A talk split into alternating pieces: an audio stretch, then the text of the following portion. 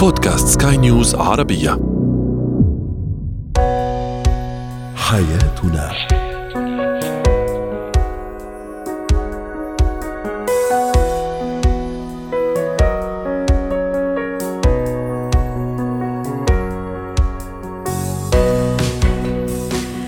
مستمعينا الكرام أهلا بكم معنا إلى حياتنا. فضاؤكم اليومي الذي يعنى بشؤون الأسرة وباقي الشؤون الحياتية الأخرى والذي يمكنكم الاستماع إليه عبر منصة سكاي نيوز عربيه dot com slash podcast وباقي منصات سكاي نيوز العربيه الأخرى. شاركونا عبر رقم الواتساب 00971 معي أنا آمال شاب. اليوم نتحدث عن الخصام الطويل الطويل بين الشريكين بين الزوجين. أثره المدمر على العلاقة الزوجية وعلى الأسرة وعلى الأولاد أيضا. آه، سنتحدث عن خصوصية الطفل. ماذا يعني خصوصية الطفل؟ وكيف نحترم هذه الخصوصية وحدود هذه الخصوصية؟ وأخيرا كيف نعمل ضمن الفريق الواحد؟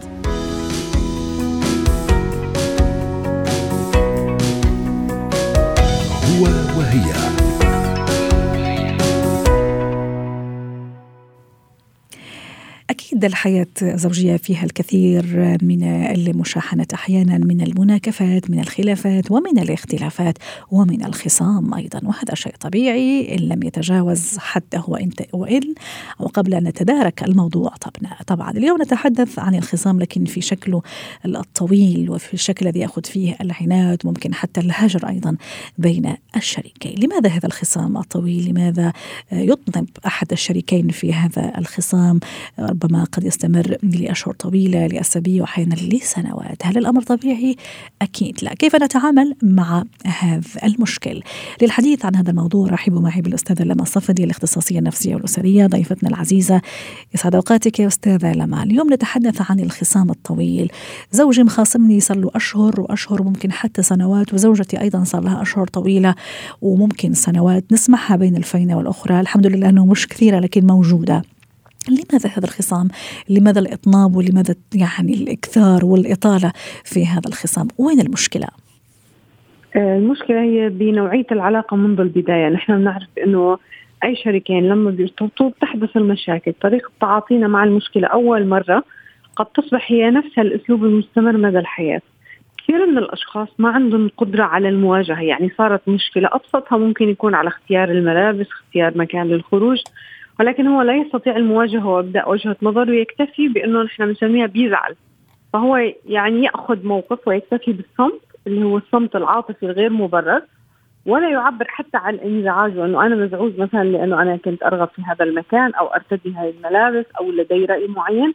يكتفي بالصمت ويتوقع بأنه الشريك هو يفهم عليه من الهواء فبالتالي هون تكرار المواقف بنفس ردة الفعل يصبح لدى الشريك استجابة واحدة وهي بأني أنا عند حدوث المشكلة أنزوي أصمت أبتعد أهجر فترة من الزمن حتى فيما بعد يتعدل المزاج أو ربما تحل المشكلة نفسها بنفسها أو أحيانا انتظار الشريك الآخر للاعتذار. يعني في كثير من الأشخاص هم أصلا حتى ليس لديهم مهارة الاعتذار. وهون في كثير من الأشخاص عندهم توقع. صح.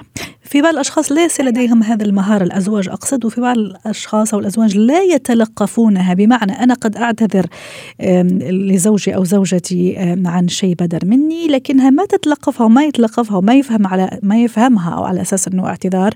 هي تتوقع الاعتذار زي ما هي تبغاه أو هو أيضا يتوقع الاعتذار زي ما هو يبغاه وهون أيضا تقع الفجوة ويزيد المشكل. والأخطر من كل هذا أستاذة لما وإحنا عم نحكي على الخصام الطويل إنه الزوجين يتعودوا على هذا الخصام. صحيح هي المشكلة الكبيرة هي التعود على غياب الآخر. يعني نحن من التجارب اللي أنا بشوفها يوميا ممكن تقول بأنه إحنا ثلاث شهور بنحكي مع بعض. يعني إحنا أزواج موجودين في من نفس المنزل ولكن ما في أي تعاطي فيما بيننا وهي. مشكلة كبيرة. لأنه أنا لما باخذ فكرة أو قاعدة الخصام الطويل أنا عم بفتح مجال للشريك ليكون هو وحيد في الحياة. تماما. بالتالي طالما هو وحيد هو سيتعود أصلا على عدم وجودي وتشاركي معه بأوقات صح. السعادة والحزن والمواقف والأزمات. ونكون بذلك ناقضنا تماما الفكرة والمغزى من من من من, من الزواج اللي هو السكن اللي هو الرحمة اللي هو المودة اللي هو الرأفة. فنكون تماما على النقيض من كل هذا هذا الخصال الجميله وهالاهداف الراقية والنبيلة. صحيح هي هي الفكرة. وفي نقطة مهمة بأنه أنا في كثير من السيدات ربما أكثر يشتكين بأنه أنا طيب زوجي عنده هاي المشكلة.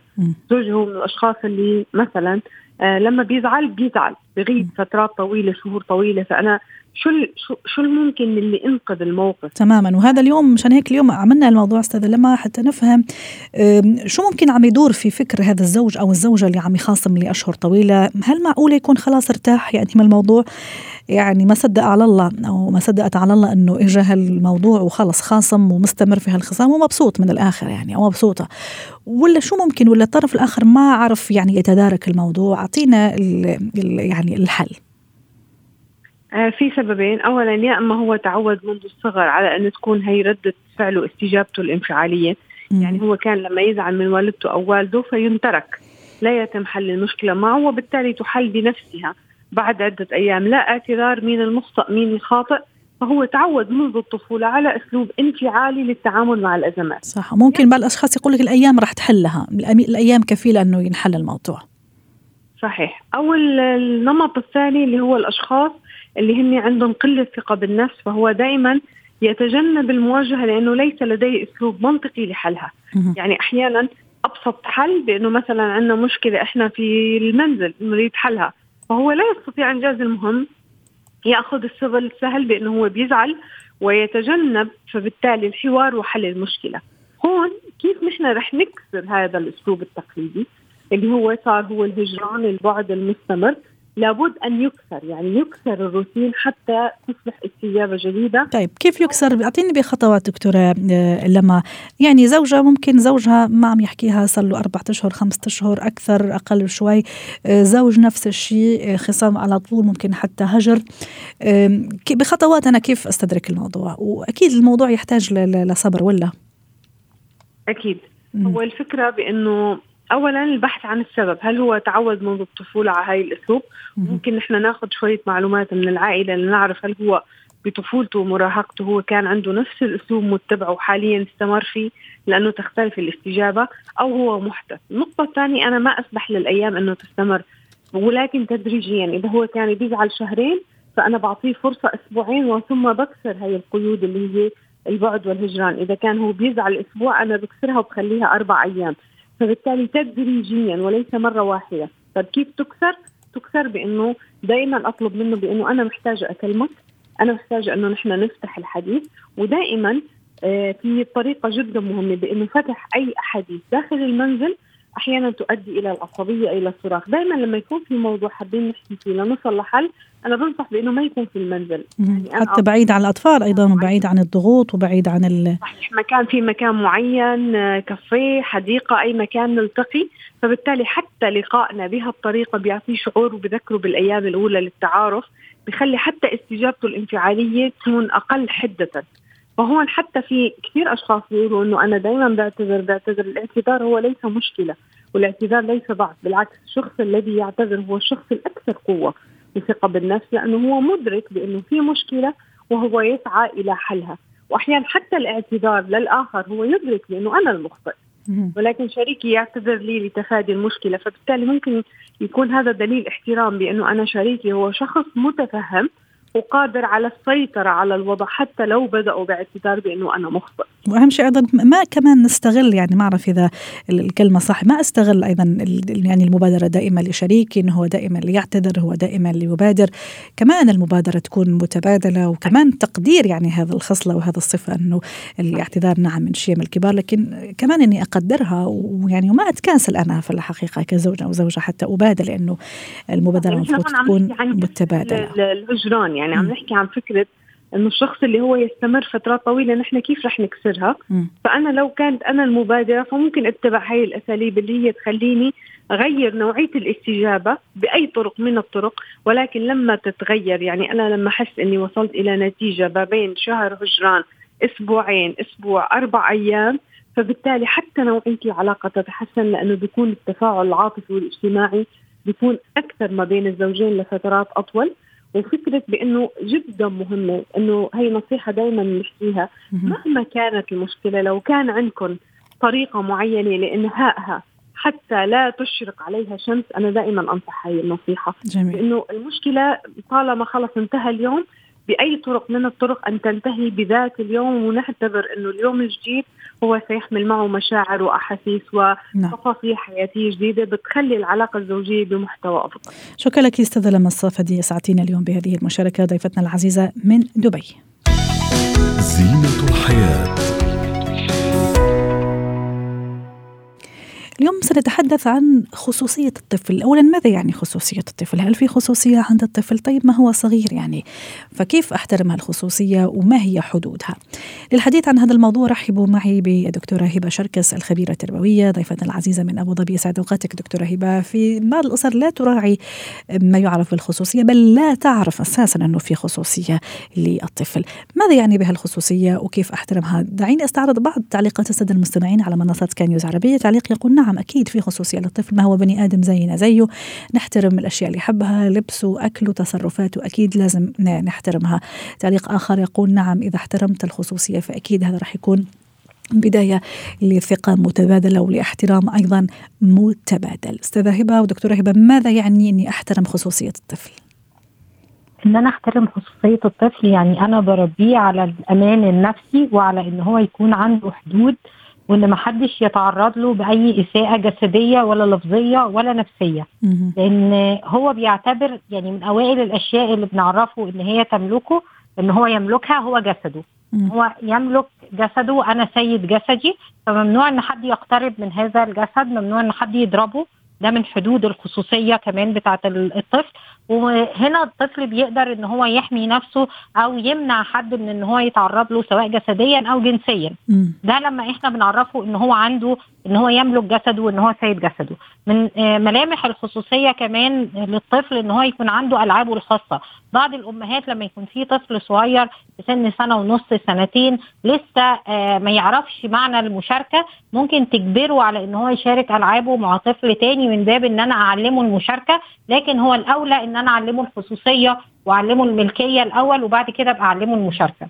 رائع. هنا ما فيش ما يمنع ان أنا أقول لطفلي ان في ضيوف جايين أو في أطفال هيكونوا موجودين وفي حال إن أنت مش حابب تشارك بعض الألعاب يا ريت إن إحنا نحطها في مكان معين ونقفل عليها ونطلع الألعاب اللي مسموح بيها بالمشاركة. جميل. هنا يعرف آه، معنى الخصوصية ومعنى المشاركة بشكل متوازن بما يتناسب مع مرحلته العمرية.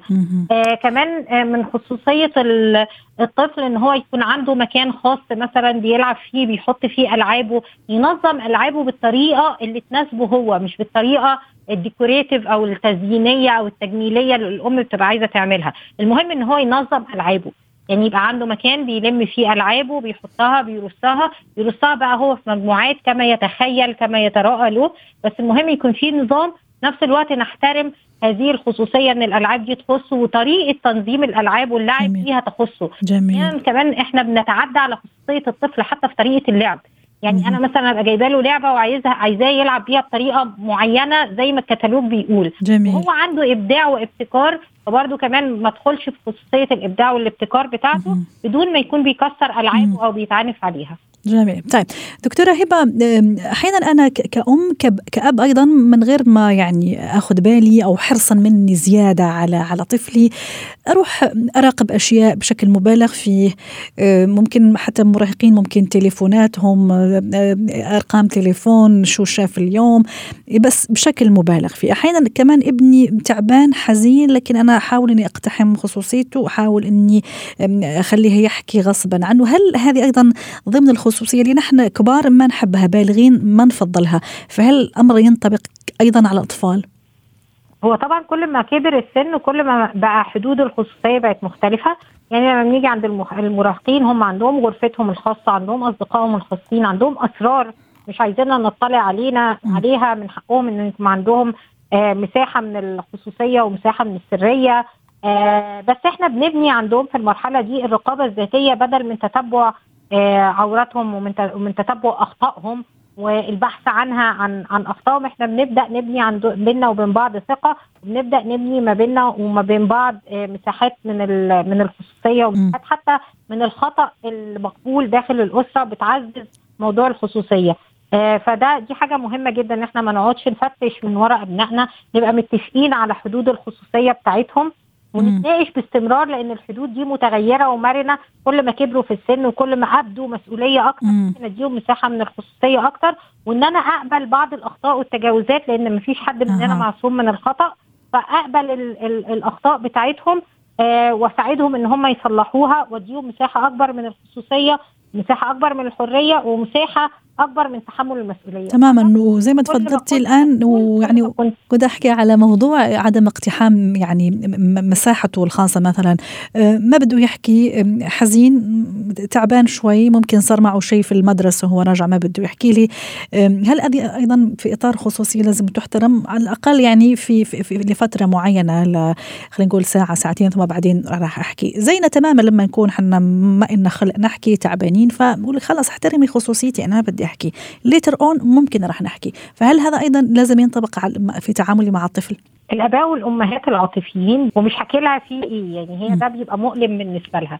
لكن كمان لازم نوازن ما بين الألم اللي هي بتعاني منه وما بين اقتحام خصوصيته واجباره على إن هو يحكي اللي حصل معاه حتى لو هو مش مستعد للحكي. فهنا لازم يكون عندنا نوع من أنواع التوازن إن إحنا نديله مساحته. وبعدين بعد كده نقعد ونتكلم معاه لما يكون هو قادر إنه يتكلم أو هي تكون قادرة تتكلم. حاجة الثانية إن إحنا نيجي في أوقات العادية اللي هو بعد ما نتجاوز الأزمة اللي هو كان فيها الحزن الموقف اللي عدى عليه ونعرفه قد إيه إحنا بنبقى بنتألم لما بنبقى شايفينه بيتألم مش عارفين السبب ومش عارفين نساعد. فزي ما أنا هراعي إن أنت عندك مساحتك من الخصوصية إن أنت جميل. آه، ما تعبرش وقت ما تكون متضايق. كمان أنت لازم تراعي قد إيه أنا ببقى مضغوطة ومتألمة. لما بشوفك متألم ومش قادرة حتى م. إن أنا أسمع منك أو أسمع لك وطبطب عليك. وبالتالي يعني أشوف أشوف أشوف الحلول. آه، دكتورة هبة معلش قبل ما نختم مع حضرتك حابه في نقطتين.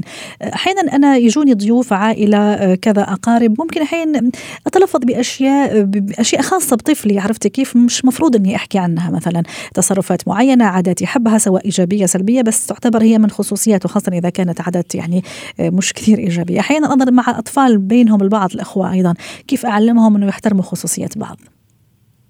دي نقطة مهمة جدا جدا إن إحنا ساعات يعني بناخد مواقف اللي عملوها الأطفال كمادة للتسلية تماما. إن إحنا نقعد نتكلم فيها كأن هي مادة للتسلية والفكاهة. الطفل هنا بيتألم جدا لما يحس إن حياته الخاصة اللي هي ممكن تكون أحداث بسيطة ممكن تكون حاجات فعلا إحنا ضحكنا عليها داخل الأسرة بس هو بيعتبرها أحداثه الخاصة يحس إن أحداثه الخاصة هي عبارة عن مادة للتسلية. ده ممكن يسبب الانطواء والانعزال والإحراج وممكن يسبب التمرد والعصيان عند الولاد ومواجهة الأهل ويحسسهم بشيء من الضغينة تجاه الأهل أو تجاه الضيوف. فدي حاجة مش ممكن إن إحنا نعملها. كمان الخصوصية بين الإخوة والأخوات لو صدر من حد خطأ معين أو صدر من حد موقف معين فمش المفروض إن الأب والأم يناقشوا الكلام ده في يعني في جلسة جماعيه أو حوارية ومش المفروض إن هي تقعد مثلا أم مع بنتها تحكي عن ابنها الثاني أو الأب يقعد يحكي مع ابنه عن ابنه. أو أطلب من ابني الصغير يجي يحكي لي شو صار مع أخوه الكبير مثلا. خلاص طبعا أن أنا اعلم ابني إن هو يحكي وإن هو يبقى فتان ويحكي وينقل الأخبار وعصفورة البيت. الكلام ده كله من من اقتحام الخصوصية. وبيعلم الولاد عادات سيئة جدا صح. منها التنمر. تماما في حاجة اسمها التنمر الأسري الأهل كمان ممكن يتنمروا على أولادهم أحيانا. ممكن موضوع رائع جدا أشكرك عليه. راح يكون إن شاء الله أوعدك في حلقاتنا المقبلة إن شاء الله. التنمر الأسري بين بعضنا البعض ممكن أحيانا ما نقصد هذا هذا التنمر أساسا. أشكرك دكتورة هبة سعدتينا اليوم ونورتينا بهذه المشاركة وبمعلوماتك القيمة. يعطيك العافية. مهارات الحياة. أكيد ما أحد فينا ينكر أهمية امتلاك مهارات العمل الجماعي لأنها مفتاح أساسي للنجاح في أغلب مجالات الحياة والعمل. آه، تحديدا والعمل بروح الفريق وفي حد ذاته تحدي ويتطلب المرونة يتطلب مجهود يتطلب صبر ويتطلب أشياء كثيرة أنا أتعرف عليها مع الأستاذة تانيا عوض غرة مدربة مهارة الحياة ضيفتنا العزيزة من بيروت. يسعد أوقاتك أستاذة تانيا أنا في فريق عمل وما عم أعرف أتعامل مع الفريق بروح الفريق. وين المشكلة فيا ولا في الفريق؟ آه يعطيك العافية صباح الخير للمستمعين. آه أوقات بتكون عندي أوقات بتكون فريق مش متجانس يعني ما في آه، ما في recipe وحدة أو أو وصفة وحدة. بعض الشخصيات عندها إشكالية بالعمل الجماعي أو بال team ال team work أو team spirit آه، بتحب تشتغل لحالها أكثر منطوية على ذاتها. أحيانا لا تثق آه، بالعمل الفريقي. آه، من خبرات سابقة أو مثلا من أيام الدراسة لما كان يعطينا الأستاذ عمل جماعي كان يطلع الشغل على شخص واحد والباقيين ما يعملوا فيه. فهيدي أمور بنحملها معنا. آه، إلى إلى إلى مضمار العمل. هيدي لما بتكون الشخصية في شخصيات ما بتحب يعني بتخاف تعتل هم آه، من فريق العمل والتنوع اللي بيكون موجود بفريق العمل أو ما عندها ثقة. آه، هيدا أوقات بيكون شخصي أوقات بيكون في فريق مجبور أنا أشتغل معه إنما هو هذا الفريق العمل غير متجانس بالقيم بالواجبات بالرؤية للأمور بالتحليل. فبيكون في صعوبة أكثر لبناء آه، روح الفريق ولكن ما من شيء مستحيل في الحالتين. ممكن بناء علاقة آه، طيبة وعلاقة آه، فريق عمل متماسكة عندما نتقبل ونقبل التنوع ونفهم أن التنوع هو سمة تشاركنا في العمل كما في حياتنا الخاصة. تماما. ولكن هذه الاختلاف رحمة يعني. يعني طبعا طبعا. صح. ولكن. هذا طريق. أكيد له خطوات آه، إذا أنا رب عمل أو أنا زميل بالعمل بتفرق. آه، أنا وين موقعي بيكون ساعتها. رائع. التواصل أو مهارات التواصل أستاذة تانية بتشوفيها ضرورية جدا لدى هي العمل بروح الفريق؟ نعم. هي الأساس الأول. هي المدماك الأول إنه يكون عندي تواصل بناء تواصل منفتح على الآخر تواصل آه، خالي من اللوم من الصور النمطية من الإسقاطات من آه، من أمور عديدة. هل هذا صعب؟ نعم ولكن غير مستحيل. وهنالك تقنيات ومهارات يمكن اكتسابها. ولا ولا هذا هذا السبب المؤسسات كلها اليوم بتدرب البيرسونال تبعها الموظفين على هالمهارات اللي اولا اولا تبدأ بمهارات التواصل مهارات حل النزاعات مهارات التنوع فهم التنوع والتعامل مع التنوع في إطار العمل. اذا نعم نكتسبها من تدريبات من ورك ومن قراءات ومن طبعا عندما نتبنى تطبيق ذلك في تجاربنا اليومية ووضع سياسة عامة في المؤسسة، يعني بتشوفي في مؤسسات مثلا بتعمل workshop بتاخذ بفريق عملها weekend طويل إلى فندق فخم أو إلى تجمع سياحي بيعملوا رياضة بيعملوا ألعاب بيعملوا لقاءات ما خاصه مباشرة بالشغل آه، انما إنما هي تفيد ببناء روح الفريق، مثلا في الشرق الأقصى مشهورين جدا عندهم على القليله يوم بالأسبوع بيظهروا بيتعشوا كل الفريق العمل مع بعضهم. آه، آه، بيظهروا سوا. آه، أيضا لبناء نوع من الثقة المتبادلة ولرؤية بعضنا خارج إطار العمل. هيدا الشيء بخلينا نشوف بعضنا كبشر أكثر وبشوفنا إنه نحن كلنا بنتشارك قصص معينة. ممكن تتعرفي على على زملاء عمل ربما ضغط العمل والساعات العمل والانشغالات. ما تسمح لك إنك تتعرفي عليهم يعني في أوقات الدوام أو العمل الرسمية. صحيح وهذا استثمار رابح بالمؤسسات. يعني آه، الدفع الأموال من المؤسسات على هالنوع من النشاطات هو منه رمي بالفلوس إلى النفايات هو بالعكس هو استثمار في البشر. لأنه ممكن أنا حفز الناس بالمال لتشتغل لي بس ما في حفز الناس لبناء روح فريق تجيب لي شغل أكثر إلا إذا بحركهم من الداخل. هذا ال هذا ال هذا الدرايف يأتي من الداخل ومن خلال العمل على بناء روح الفريق. رائع حضرتك يعني حكيتي نقطة كثير مهمة إنك تحركيهم من من الداخل. وأكيد ما فينا نحكي على روح الفريق ست ثانية من غير ما نحكي على الثقة بالنفس لأنه مو أي شخص عنده هذا يعني هذا القدرة إنه ما عنده مشكلة يعني يتكلم باسم الفريق، يفكر باسم الفريق، يفكر عنه أيضا، يحتفل بنجاحاته. اذا اذا إذا أخطأ الفريق هو يكون جزء من هذا الخطأ ويتحمل الخطأ، إذا نجح الفريق يكون برضه عندك يعني جزء من هذا النجاح ويحتفل ويفتخر أيضا بهذا النجاح. فموضوع الثقة أتصور أيضا كثير ضروري أستاذة تانيا صحيح. الثقة بالنفس والثقة بالقدرات والثقة بأن النجاح يأتي من عمل فريق كامل. م. ما في حدا بينجح لحاله على وجه الأرض. نحن بحاجة لناس وبحاجة لقدرات لأنه بنكمل بعضنا وهذا هو التنوع.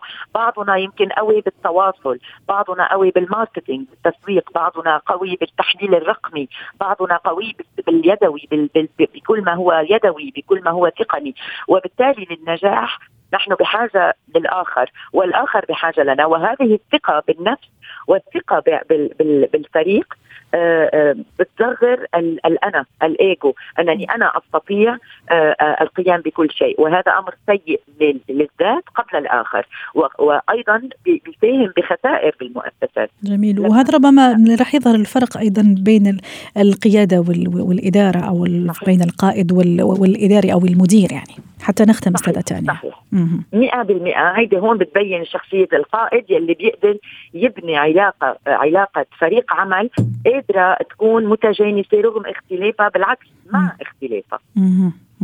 شكرا لك سادة تانية عوض غرة مدربة مهارة حياة ضيفتنا العزيزة من بيروت وأتمنى لك يوم سعيد.